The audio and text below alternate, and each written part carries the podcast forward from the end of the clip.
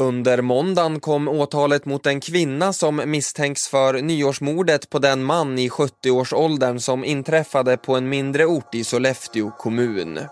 Enligt åtalet ska kvinnan ha huggit mannen i både bröstet och i magen tio gånger med en kniv.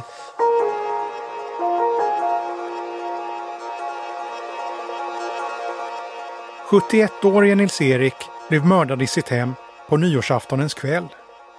Han hade då sedan en tid bestämt sig för att flytta och hade lagt handpenning på ett nytt hus. Han hade blivit del i en grannfejd som polis och åklagare senare skulle beskriva som infekterad. Kvinnan som kom och knackade på hans dörr den här kvällen med en kniv dold i handen stod på andra sidan i den fejden. Vad var det som hade blivit så infekterat? Vad fanns det för förklaringar? Hur kunde grannar i en liten by i Västernorrland förvandlas till dödsfiender. Det ska vi titta närmare på i det här avsnittet av Aftonbladet Krim. Jag heter Anders Johansson.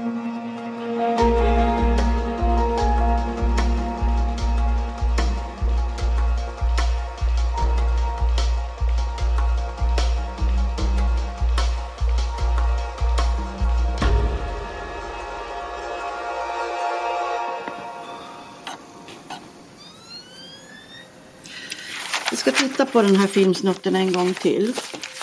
Så ska du få förklara efter det. Det här avsnittet tänkte vi börja med att lyssna till ljudet från ett filmklipp. Det är inspelat nyårsafton 2020 av en övervakningskamera i en mindre by nära Ramsele i Sollefteå kommun. Det är sent på kvällen, snön har fallit och det är mörkt sedan flera timmar. Nu spelas det upp av åklagare Katarina Kjellson i Ångermanlands tingsrätt i Härnösand. Klippet ska nämligen utgöra en central del av det mål som det här avsnittet ska handla om. Om, om du, Carola och rättens ledamöter fokuserar på framöver här på det vänstra fönstret eh, i bilden som är förstorad i mitten Scenen som ska visas i rätten utspelar sig under årets sista dag 2020 och kretsar kring den här berättelsens två huvudpersoner. 46-åriga Carola Andersson och 71-årige Nils-Erik Ekholm. Kameran är riktad mot Nils-Eriks hus. Det börjar klockan 22.57 när en svartklädd figur kommer gående in i bild. Där kommer du Carola, eller hur? Mm.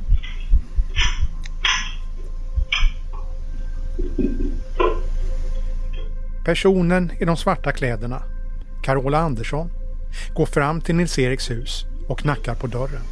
Där ser man att han går upp, går till, till hallen. Nils-Erik reser sig alltså, går fram till dörren, men han öppnar inte. På filmen hörs hur Carola ropande försöker få honom att öppna. Jag måste prata med dig. men på riktigt? Nej, men det liv, ditt är i fara. Det liv är i fara. Nej, men lita på mig. Carola ropar gång på gång att Nils-Eriks liv är i fara och att han ska lita på henne. Till slut öppnar han dörren.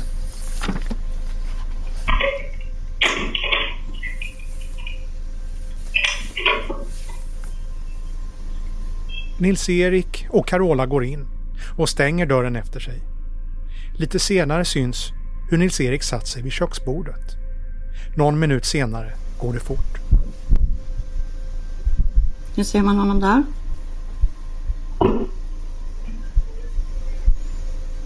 Nu kommer han igen.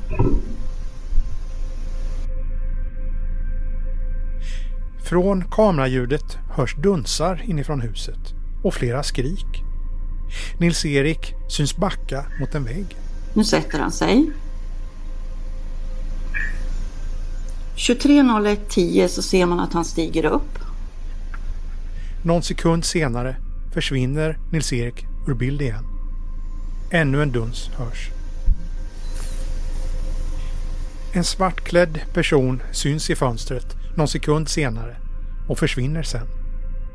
Kort senare lämnar samma person huset.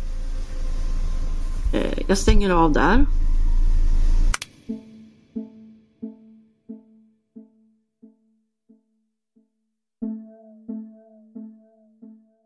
Det här avsnittet handlar om en grannfejd. Om hur illa det kan gå när saker förlorar proportioner. En konflikt som trappats upp stegvis under flera år och som till slut fick ödesdigra konsekvenser. Allt i en liten avlägsen by i norra Sverige. Vi ska dit snart, men först ett stopp i en stad lite längre söderut. Ja, det ska bli fint här. Vi är i Gävle och i bostadsområdet dånar en kompressor. Fasaden på huset där vi befinner oss ska få ett ansiktslyft och döljs av byggställningar. Vi ska försöka hitta en ledig parkering. Ska, ska jag svänga in? Ja, sväng in mellan och så tar du andra parkeringen. Andra parkeringen.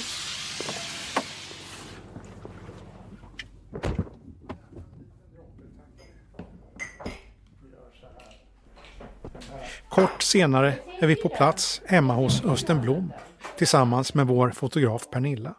Ja, vi är ju van med busväder här nu. Ja, shit. Jag hade kommit ut, kört fem minuter, sen började det. Ja, var det det? Jaha, redan så tidigt? Ja, det kom Sen var det någon, någon kortare uppehåll bara. Men det har... När vi stigit in genom dörren och kommit in i hallen möts vi av en jamande katt som heter Simba som spinner och vill bli klappad. Tre stora gitarrfodral vittnar om en musikalisk familj. Det visar sig vara dotterns som haft en spelning kvällen innan vårt besök.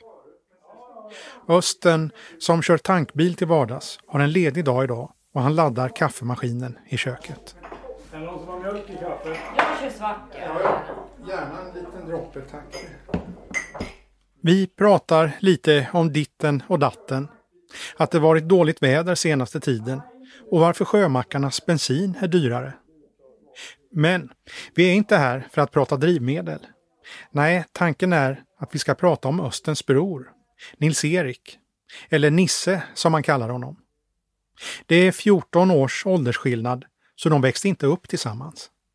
Mina första minnen är faktiskt eh, när han flyttade ner till Gävle och eh, var med, det måste ha varit slutet på 60-talet. Han var väl 20 år kanske och han var med och snöröjde och så fick jag åka en sån här frontlastare med honom. Det tyckte jag var häftigt. Ja men alltså han var alltid eh, positiv. Spelade ingen roll vad som hände med han så skrattade han och så en klackspark och så gick han vidare. Ja, han var underbar så hade väl en benägenhet att hamna i lite konstiga affärer och sånt där på, på äldre dagar.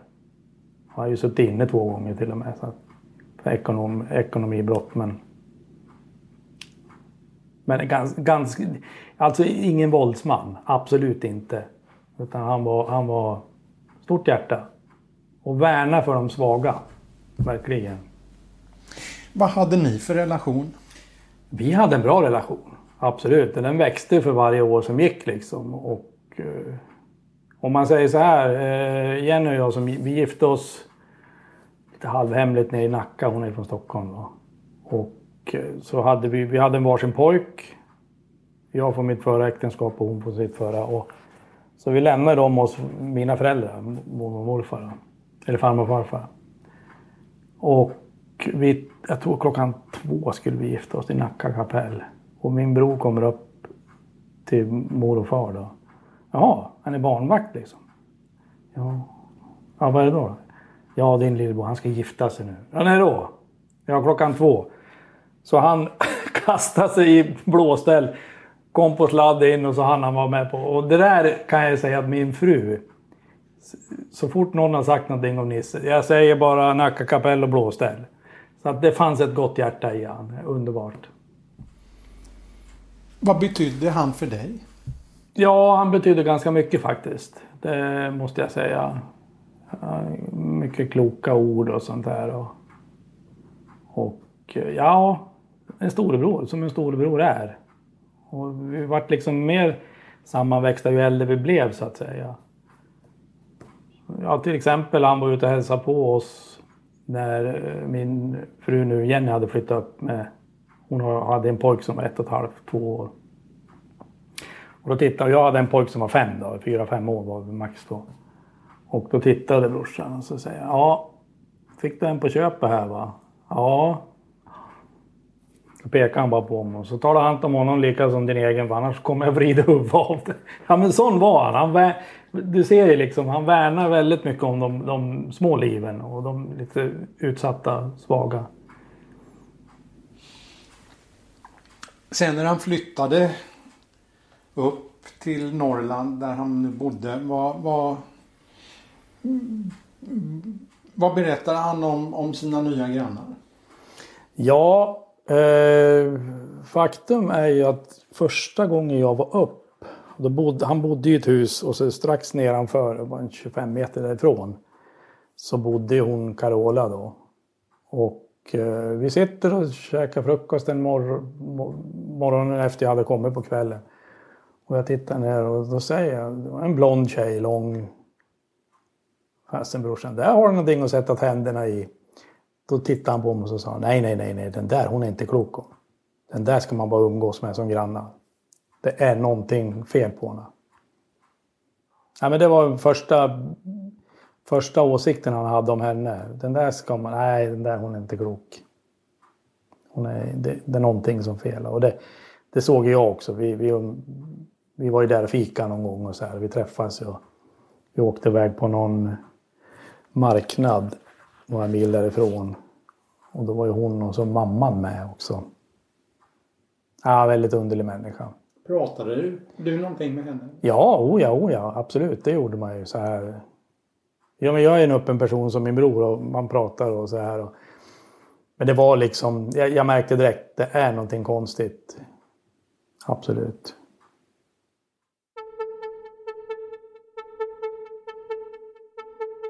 Den här historien handlar alltså framförallt om två personer, Nils-Erik och Carola. Det finns även två andra inblandade som vi här valt att kalla Johan och grannen. Men vi börjar med Nils-Erik. Han flyttade till huset i den lilla byn nära Ramsele i början av 2018. I huset precis intill bodde då Carola Andersson. Det dröjde inte så länge innan Nils-Erik blev varse att Carola hade en djup och pågående konflikt med sin mamma. Nils-Erik och mamman inledde så småningom en relation och då ställde han sig på hennes sida i konflikten med Carola. Och då utvidgades konflikten till att även gälla honom. På sommaren 2020 flyttade Carola därifrån till ett hus en kilometer bort. Hon skulle senare hävda att det berodde på att hon var trakasserad av Nils-Erik. Carola bytte hus med sin tidigare sambo. Och det är han som i det här avsnittet kallar för grannen. När grannen flyttade in bredvid Nils-Erik uppstod en konflikt även mellan de två. På båda sidor gjordes en rad anmälningar till polisen. Ett ärende handlar om Nils-Erik fått sin brevlåda stulen. Ett annat att ställningen till den hade förstörts. Och en annan anmälan handlade om att en bil Nils-Erik lånat fått alla däck punkterade och kapellet sönderskuret. Och vid ytterligare ett annat tillfälle hade han fått rutorna sönderslagna i ett annat hus han äger. Grannen anklagade i sin tur Nils-Erik för att köra utan körkort och filmade honom upprepade gånger och gick till polisen med filmerna. Nils-Erik hade fått sitt körkort återkallat men hade körkortstillstånd och Carolas mamma som handledare för övningskörning. Nils-Erik blev kallad till polisen, erkände och sa att han var villig att ta emot ett eventuellt straffföreläggande.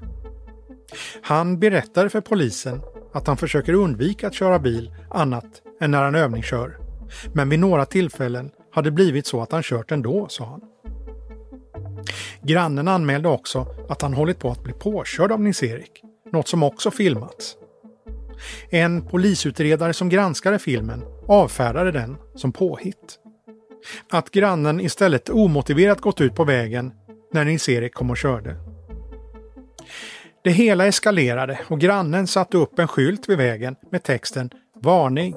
Vägen används av körkortslös dömd rattfyllerist. och en annan skylt med texten OBS! Rattfyllo. Nils-Erik satte å sin sida upp skyltar på sitt hus och sitt garage med texten att Carola Andersson och den namngivne grannen äger ej tillträde till denna fastighet. Överträdelse beivras. Fastighetsägaren. Men den kanske allvarligaste anklagelsen grannarna emellan var att Nils-Erik blev anmäld för romansbedrägeri gentemot Carolas mamma. Att han manipulerade henne och försökte komma åt hennes pengar. Att han var våldsam. Carolas mamma uppgav å sin sida i olika polisförhör att hon var utsatt för skitsnack och att dottern jävlats med henne sista åren på grund av att hon slutat skicka pengar till henne. Mamman berättade att de bott i Carolas sommarstuga men blivit utkastad av henne, trots löfte om att få bo där livet ut. Då var det Nils-Erik som hjälpte henne, berättade mamman och påpekade att de bodde ihop med Nils-Erik och att de inte hade några problem med varandra.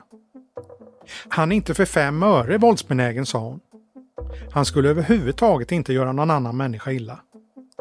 Det finns överhuvudtaget inget ont i människan, Nils-Erik, sa mamman i förhör. Fejden hade bara tilltagit och lett till olika former av hot med både ord och gester. Vid ett tillfälle hade Nils-Erik fått en yxa i ytterdörren. Bråket ledde även till att grannen satte upp fyra övervakningskameror. Två av dem var riktade mot Nils-Eriks hus. Och minst en av dem var inställd mot hans kök. Den kameran filmade också allt det som hände på nyårsaftonen.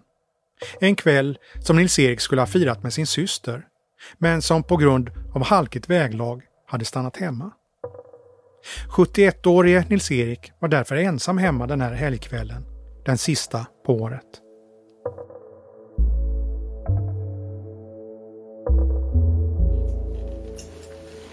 Jag anmäler till inspelningen att det är förhör med Carola Andersson. Ja, vill du då själv berätta om vad som hände vid det här tillfället?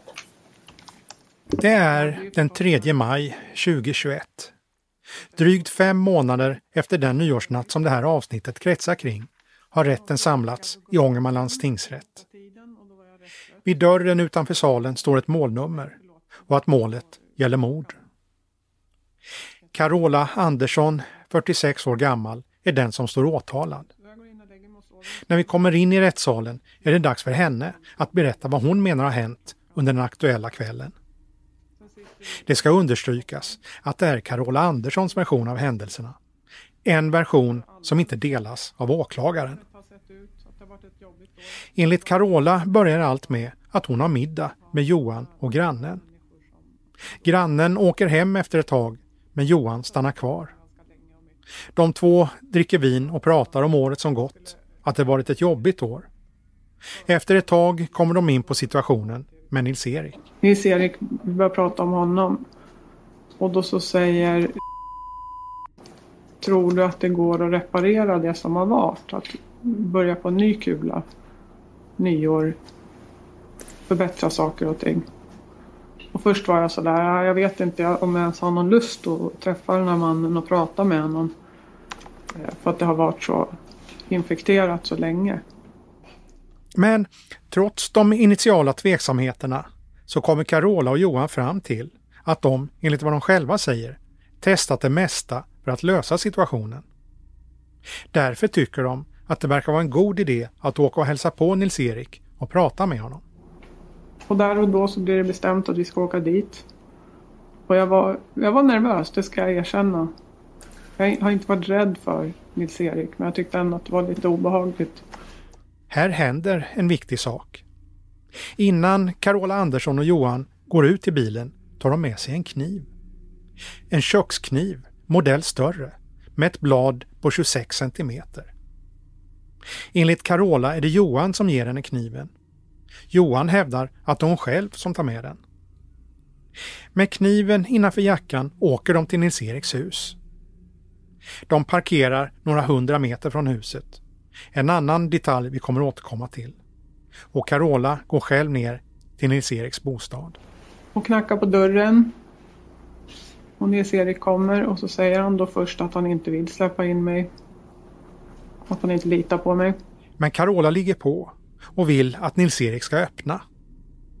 För att övertyga honom drar hon en lögn och säger att det ska hållas en stor fest hemma hos grannen och att folk nu är på väg. Jag nämnde aldrig några namn eller någonting utan de skulle ner på byn och det var ganska många människor.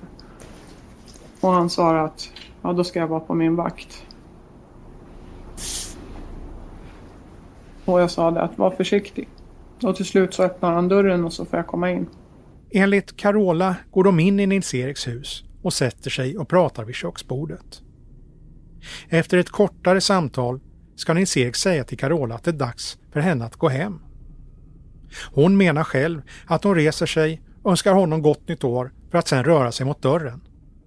Sen går det fort. Eh, Då känner jag bara hur han sliter tag i, i min vänstra arm. Och trycker sig emot och trycker någonting hårt in, hårt in i ryggraden på mig. Carola säger att hon tror att Nils-Erik har en pistol. Och jag sliter loss handen, eller armen. Och viker ut kniven för den har jag haft upp längs med armen åt fel håll. Hon hugger honom i sidan. Och så åker han, han springer bak in mot väggen i köket där. Och sen tar han sats, det syns ju på filmen också, tar sats och kommer ytterligare en gång springandes emot mig. Hon hugger en andra gång. Nils-Erik snubblar bakåt och halvsitter nu mot väggen. Enligt Carola hotar han henne. Och då sticker jag honom tredje gången. Enligt Carola är själva attacken över här. Hon sitter ner ett tag och lämnar huset några minuter senare. Hon säger också att Nils-Erik är vid liv när hon lämnar huset. Hon går tillbaka mot Johan. Carola och Johan åker hem till henne. Dagen efter åker de hem till mannen som vi kallar grannen. Han har plockat ner en av sina kameror som är riktad mot Nils-Eriks hus och grannen lämnar över minneskortet. Efter att Johan och Carola fått kortet åker de hem till Carola igen och dricker vin. Minneskortet hamnar i soporna. Johan åker hem till sig efter några timmar och Carola fortsätter dricka vin. Och sen kom polisen åkandes.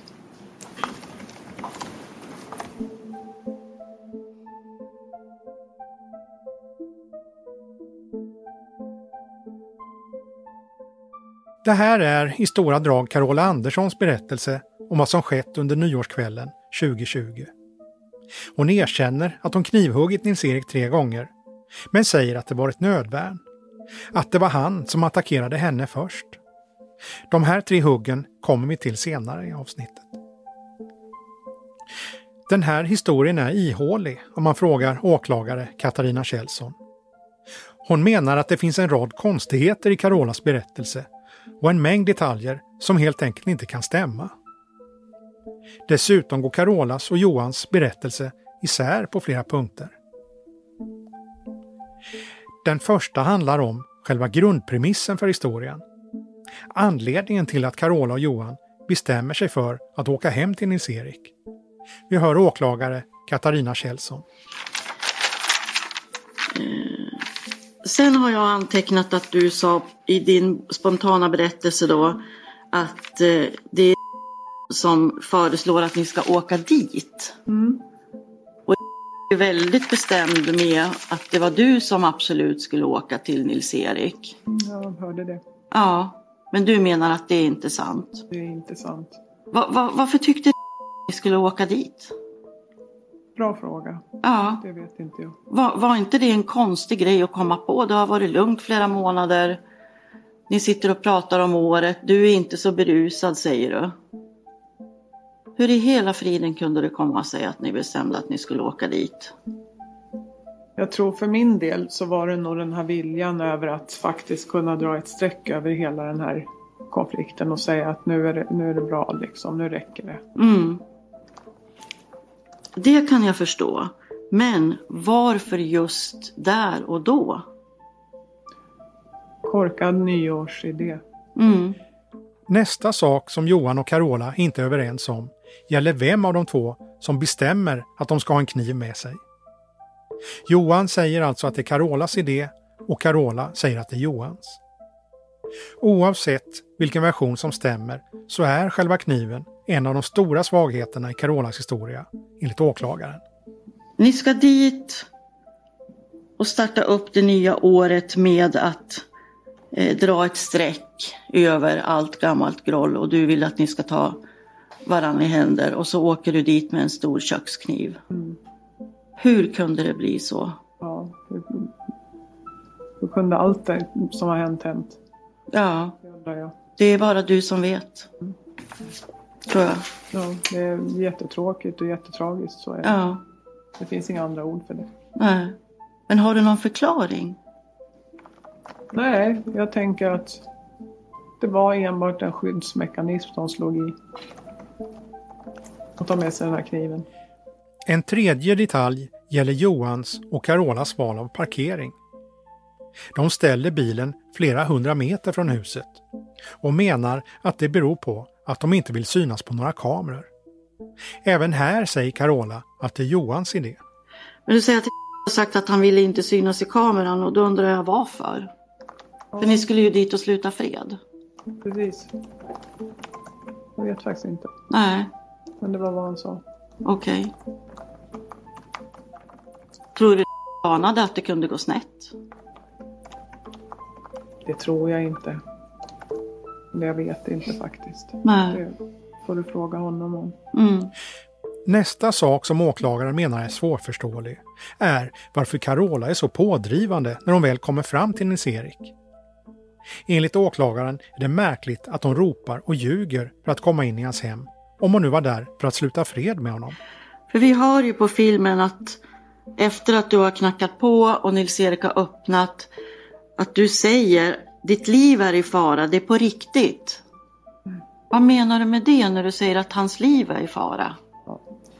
Det var nog bara en urbota dum kommentar som slank ur. Mm. Jag har inget bra svar till det kan jag säga. Nej. Hur har du tänkt kring det i efterhand att du, att du sa så då? Att hans liv var i fara? Ja, Jag förstår inte var jag fick det ifrån. För att om vi tittar i efterhand så var ju hans liv faktiskt i fara då. Så, så blev det ju. Men det var ingenting som du hade tänkt Nej. i förväg. Alla de här sakerna är omständigheter som enligt åklagaren bevisar att Carolas historia inte hänger ihop. Men det mest avgörande problemet med hennes berättelse gäller den film som vi lyssnade på i början av avsnittet. Som vi tidigare nämnt har Carola och grannen plockat ner en kamera och slängt minneskortet. Men det fanns ytterligare en kamera på grannens hus som fångat stora delar av händelseförloppet under kvällen och som polisen hann ta i beslag. Som vi tidigare berättat är Carolas version att Nils-Erik attackerar henne och trycker något i ryggen på henne. Därefter ska hon agera i självförsvar och sticka honom tre gånger med kniven. Men enligt åklagaren visar själva filmen från övervakningskameran något helt annat. Den spelas upp i rättssalen. Vi lyssnar igen.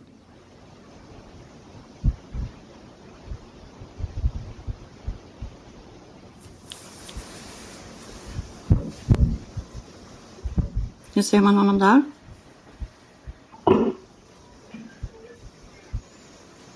Nu kommer han igen.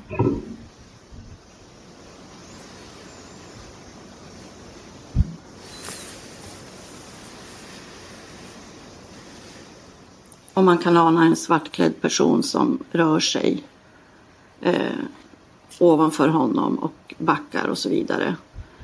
Eh, jag stänger av där. Och då vill jag fråga dig Carola, hur i hela friden menar du att, tycker du att det här går, i, går ihop med din, det händelseförlopp som du beskriver? Så jag kan ju bara förklara det som det var där inne. Mm. Men vi ser ju på filmen Om det är hur så han att reser han, sig. att han säger det här hotet när han är på väg innan han har tagit tag i Men det kanske är så mycket möjligt att jag minns det fel. Men vi ser ju när han sätter sig, vi ser när han stiger upp och omedelbart ropar aj och sen faller tillbaka. Och du menar att han tar dig om armen och trycker någonting i ryggen. Ja, När hände det då? Om du, för det här är ju på riktigt, ju film, ja filmat. självklart. Ja. Och det är precis som jag säger. Han kom fram, tog min arm, tryckte med ryggen och jag vände Men, dem. ja, okej. Ja, nej, jag stannar där tack. Den här versionen, åklagarens, får dessutom stöd av Östens vittnesmål, alltså Nils-Eriks bror som vi hörde tidigare i avsnittet. Under den här kvällen sitter han nämligen och pratar i telefon med sin bror. Det är Nils-Erik som föreslår att de ska ringas. Jag får ett sms, jag var ute och jobbade på nyårsafton. Jag får ett sms vid tvåtiden kanske. Han eh, liksom God eftermiddag lillebror, han önskar gott nytt år och så den sedvanliga eh, eh, väderleksrapporten. Och, och, men jag jobbade på och jag tänkte jag ringer honom när jag kommer hem. Men så vart det bortglömt. Och så vart klockan, hon var väl halv elva tror jag. Ja men då kan jag ringa och prata en stund med honom. Ja, och, och, och, vi surrar på där och grejer. Ända tills det knackar på dörren då. När det knackar på dörren går Nils-Erik för att se vem det är, men låter samtalet med Östen stå igång. Sen hör jag att han går iväg en liten bit och så öppnar han ytterdörren. Och eh, säger någonting i stil... Ja, han säger så här att jaha, är det du? Dig släpper jag inte in för dig litar inte jag på. Carola driver på och argumenterar för att hon ska få komma in. Östen som sitter kvar och lyssnar känner igen hennes röst direkt och hör diskussionerna genom telefonen. Han uppfattar att hans bror säger till Carola att det var länge sedan han träffade henne. Och hon svarar ja, det var, det var, det var ett tag sedan. Och hon lät väldigt mjuk och jag tänkte på det efteråt, hon lät mycket mjukare än vad hon brukar göra. Plötsligt förändras stämningen helt. Och sen hör jag bara att han skriker. Och sen, jag hör i hans röst alltså, att han säger satans helvete. Och eh, jag har tänkt på det där, det, det är, han eh, förstår att vad klockan är slagen. Efter skriket hörs fler ljud från lägenheten, bland annat ett hasande ljud. Samtalet är fortfarande igång. Och jag sitter kvar och lyssnar. Jag sitter, jag sitter på den där platsen. Och jag säger ingenting. Men efter ett tag klarar inte Östen att vara tyst längre utan ropar efter sin bror. Han hör att det är någon i huset, men Nils-Erik svarar inte. Så att jag lägger på och så ringer jag upp igen. Och den ringer, ringer, ringer, ringer, ringer ut. Och jag ringer på hans andra mobil och jag fortsätter att ringa på samma mobil. Sen helt plötsligt så är mobilen död. Den går till mobilsvar direkt. Östen går in till sin fru och berättar vad som hänt. De båda försöker ringa Nils-Erik, men får inget svar. Men jag har ju en gnagande känsla att det här var inte bra. Alltså, någonting har hänt. Och eh, var som jag sa under rättegången. Jag skulle ju larma redan på en gång då. Men jag väntade till morgon efter. Ringer min syster uppe i Hörnefors. Hon ringer. Och vi beslutar att vi, ja, vi måste larma. Så vi larmar och gör en orosanmälan. Så att de hittar honom på eftermiddagen.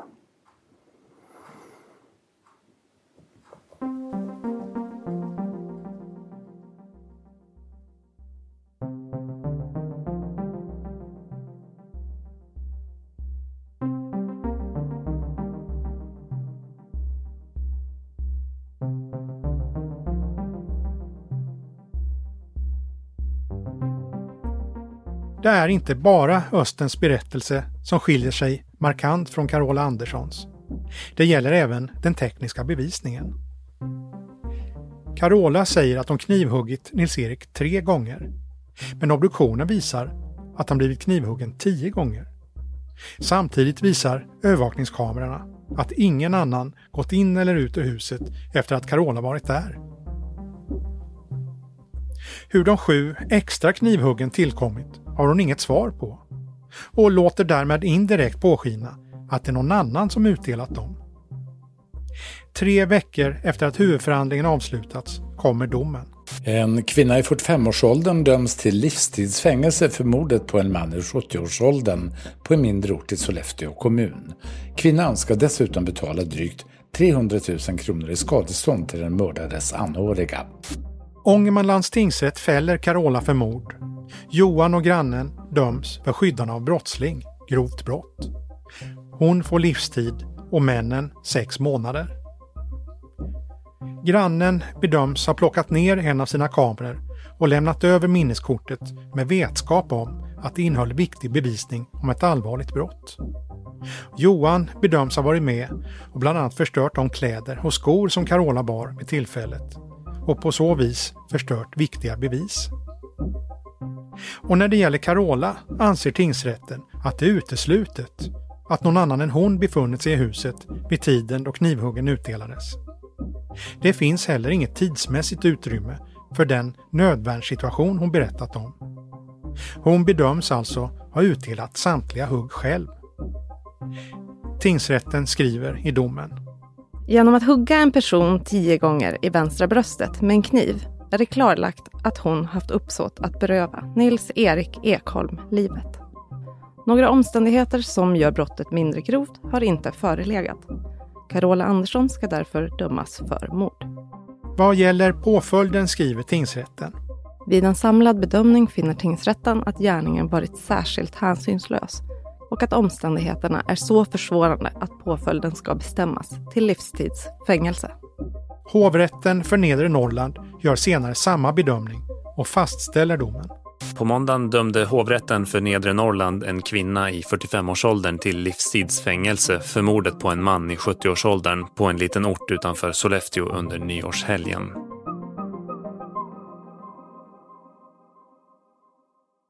När Carola döms sällar hon sig till en liten grupp kvinnor i Sverige som dömts för mord och en ännu mindre grupp som döms till livstid. I svenska fängelser sitter för närvarande tio kvinnor dömda till lagens strängaste straff. Jenny Yorstone, forskare och filosofie doktor i psykologi, har studerat skillnader mellan män och kvinnor som förövare. Hon har även kännedom om fallet med Carola och känner igen flera omständigheter. Men vad finns det då för skillnader när män och kvinnor mördar? Ja, det är ju så här att eh, när kvinnor dödar så eh, handlar det ofta om en relation. Så det är väl den första skillnaden. Eh, män kan i större utsträckning eh, alltså döda människor som man inte känner helt enkelt. Eh, alltså okända personer. Eh, men när det gäller kvinnor så är det ofta eh, en nära relation. Eh, och eh, då är ju det vanligaste kniv till exempel Eh, eh, därmed inte sagt att inte kvinnor kan eh, använda andra vapen eller skaffa fram andra vapen. Det har vi ju sett också i flera fall. Det, det är alltifrån att eh, kanske giftmord till att eh, kvinnor kan också eh, skaffa fram skjutvapen. Men det vanligaste är ändå kniv. Just det. Och nära relation nämner du som det vanliga, men vad, vad, vad gäller då själva motiven? Ja, eh, det är ju ofta eh, ganska långa relationer som eh, i absolut majoritet som är destruktiva, som har pågått under många år. kan ha varit mannen har misshandlat kvinnan till exempel. Och, och till slut så står hon helt enkelt inte ut. Men det finns också andra fall där, där det är mer så att säga, beräknande, mer planering, det finns liksom mer instrumentellt eh, motiv där, där det kanske är att komma åt pengar, livförsäkring och så vidare. Ja, just det. För i det här fallet eh, så handlar det ju om en grannfejd, bråk om pengar. Skiljer det ut sig på något sätt från hur de här fallen brukar se ut?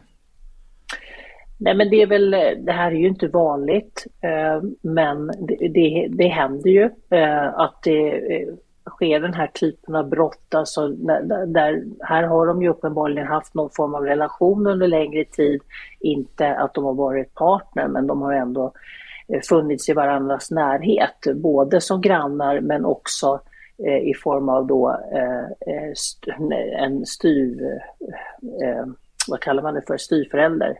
Eh, eftersom mamman haft en relation med den här mannen som kvinnan då har dödat. Eh, så att eh, det är väl det som, om man säger efter partner eller före detta partner, så är det ju då någon annan närstående som kan vara mamma eller eh, farmor. Eh, men det kan också vara någon som, som i det här fallet, en, en granne och också en, en partner till hennes mamma.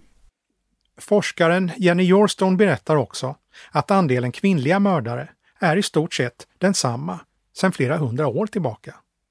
Ja, eh, om vi tittar på Sverige så är det över tid ungefär 10 procent eh, av allt dödligt våld som begås av kvinnor. Eh, sen kommer det här att skilja sig år från år och det beror ju på om, om så att säga eh, det dödliga våldet ökar totalt sett och, eh, eh, eller att det går ner något år sådär. Och det så det är få fall så kommer det liksom ge ganska stort utslag.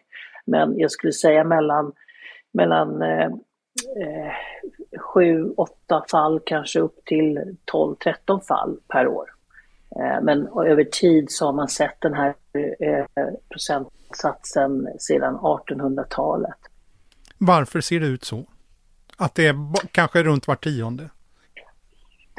Ja, det är ju otroligt eh, eh svårt att svara på den frågan. Det är en stor fråga.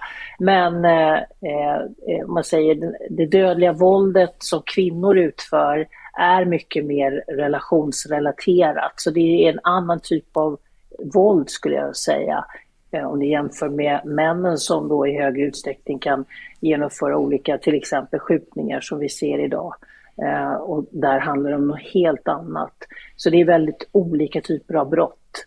Eh, och ja, kvinnor deltar ju inte på samma sätt i till exempel organiserad brottslighet och så vidare. Även om de kan finnas med så eh, är det inte på samma sätt. Nej, just det. Även om det är relativt ovanligt, eh, du som har forskat på området, tycker du att du ser att det finns behov av några särskilda insatser från samhället som kan förebygga? Nej, det, är ju, det här är ju väldigt få fall och det är klart att eh, som sagt, vissa av de här fallen, de vi faktiskt kanske minns mest och känner till mest, det är ju de väldigt, väldigt ovanliga fallen. De kanske mer bestialiska brott som har begåtts av kvinnor. De uppmärksammas ju ofta eh, väldigt väl och där Eh, inte sällan finns det en psyk psykisk problematik i de fallen. Eh, eller så finns det ett planerande eh, också. Men eh, det är klart att allt eh, handlar ju om eh, att vara uppmärksam, eh, tänker jag, i vården till exempel. Eh, ofta signalerar ju kvinnor på något sätt att de mår dåligt. Och det har man ju sett att det gör de faktiskt i mycket större utsträckning för ett brott än vad män gör. Eh, alltså att de på något sätt eh, kanske har sökt vård för någonting, att de mår väldigt dåligt eller på annat sätt har signalerat att de inte mår bra. Det kan ju handla om att de har anmält till exempel att de har blivit utsatta för, för misshandel eller liknande av, av sin partner. Så att det finns ofta, om man backar, så finns det signaler vi har precis eh, stämt av här med kriminalvården och för närvarande så sitter det tio kvinnor i svenska fängelser på livstid. Eh, hur brukar de sköta sig på fängelset? Eh, det varierar nog, men det finns ju som i alla slutna miljöer så finns det hierarkiska system även för kvinnor inom kriminalvård.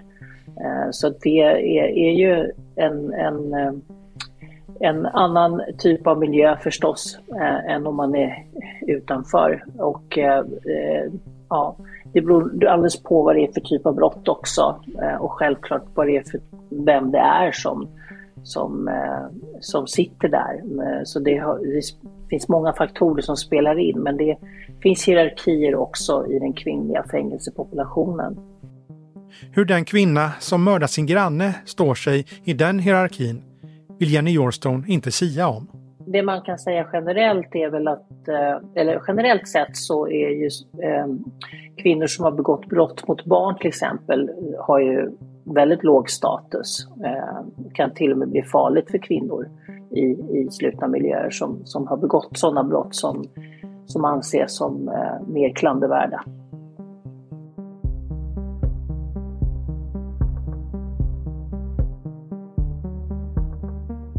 När det här spelas in har Carola avtjänat sina första två månader på anstalt. När det gått tio år har hon rätt att ansöka om att få straffet tidsbestämt. Det innebär att domstol kan ändra straffet till exempelvis 25 år, som är den genomsnittliga längden på livstid i Sverige. Och vanligen sker frigivning efter att två tredjedelar är avtjänade. Och det innebär alltså i praktiken att livstidsdömda är inlåsta i 16 år. Carola har med andra ord många år kvar i fängelse. Hemma hos Östen Blom i Gävle har livet sakta börjat återgå till det normala. Mitt i det hemska kan han se ljuspunkter. Och det är att de anhöriga, Östen, hans två systrar och Nils-Eriks barn kommit närmare varandra. När vi nu träffas har det gått tio månader sedan mordet och han börjar få perspektiv på händelsen. Men det han fick höra under telefonsamtalet kommer han aldrig att glömma. Första tiden efteråt låg han i stort sett sömnlös på nätterna. Nej, jag hade jättesvårt att sova. Första, första veckan, absolut. Eh, ja, det, det, jag hörde han. Så fort jag stängde ögonen så hörde jag han skrek. Och jag kunde höra hans röst. Jag drömde om honom också. Att, att jag var där och, och jag kunde inte hjälpa. Ja, men man får ju sådana här mardrömmar. Mm. Han berättar också om sin bild av det bakomliggande motivet. Att det i grunden var ekonomiskt. Han delar bilden som framkommer i domen. Att Nils-Erik blev en del i en konflikt som redan pågick mellan Carola och hennes mamma. När han ställde sig på mammans sida och bland annat bidrog till att hon slutade betala pengar till Carola blev han en måltavla. En som inte backade. Nej, det stämmer nog att det aldrig är ens fel att två träter. Och det är klart att min bror var, var, eh, var, var en del av den här grannfejden så att säga. För att han var ju väldigt envis.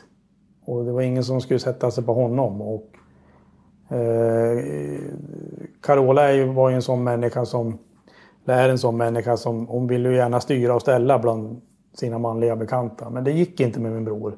För han sa stopp.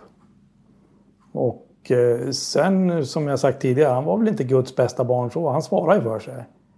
Och tyckte, tyckte han att de var idioter så sa han väl det åt dem. Och det spädde, spädde ju också på den här konflikten så att säga. Så att, nej, han är inte helt oskyldig till konflikten naturligtvis. Men jag tror ju ändå att har han bara kommit därifrån, fått flytta till sitt nya hus så har det här ebbat ut ganska naturligt han var inte oskyldig, men vad säger du om, om proportionerna till det som... Ja, proportionerna är ju, är ju ofantligt mycket större än, än alltså den verkan som, som, som det här mordet hade. Det har ju absolut... Eh, om de har stått och kastat ord mot varandra, det är väl en sak. Men, men eh, hur osams man än blir, så en, en fullt frisk människa går inte in och hugger ihjäl en. Så, så det är min uppfattning. av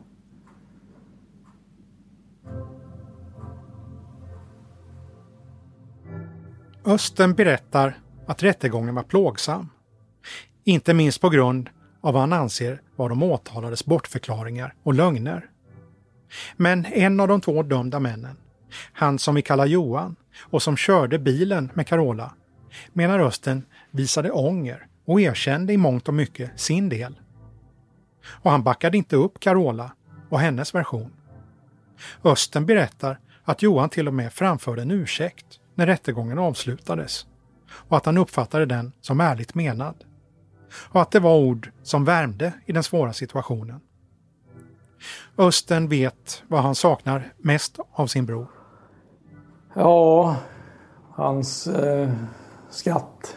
Ja, men det saknar jag. Det fanns alltid ett leende bakom någonting. Hur bedrövligt allt i livet än var så, så flinade han och skrattade. Ja positiv person. Även i de mörka stunderna så var han väldigt positiv. Tog liksom livet lite på med en klackspark så här. Ja, det går nya tåg liksom. ja. Östen förklarar också varför han vill berätta.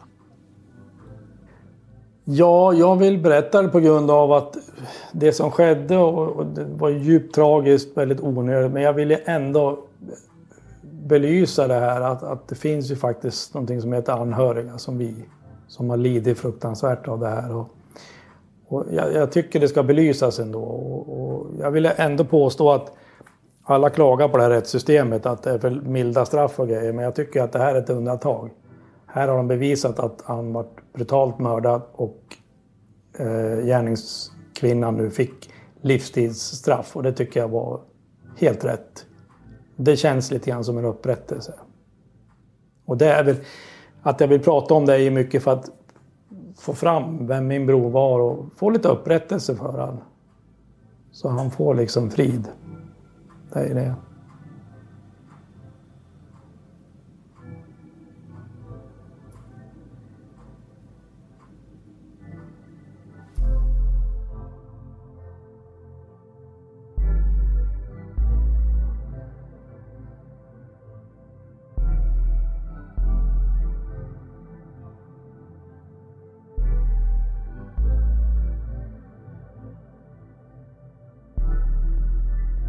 Du har lyssnat på ett avsnitt av podden Aftonbladet Krim. Klippen är hämtade från radions P4 Västernorrland. Jag heter Anders Johansson. Producent var Marcus Ulfsand.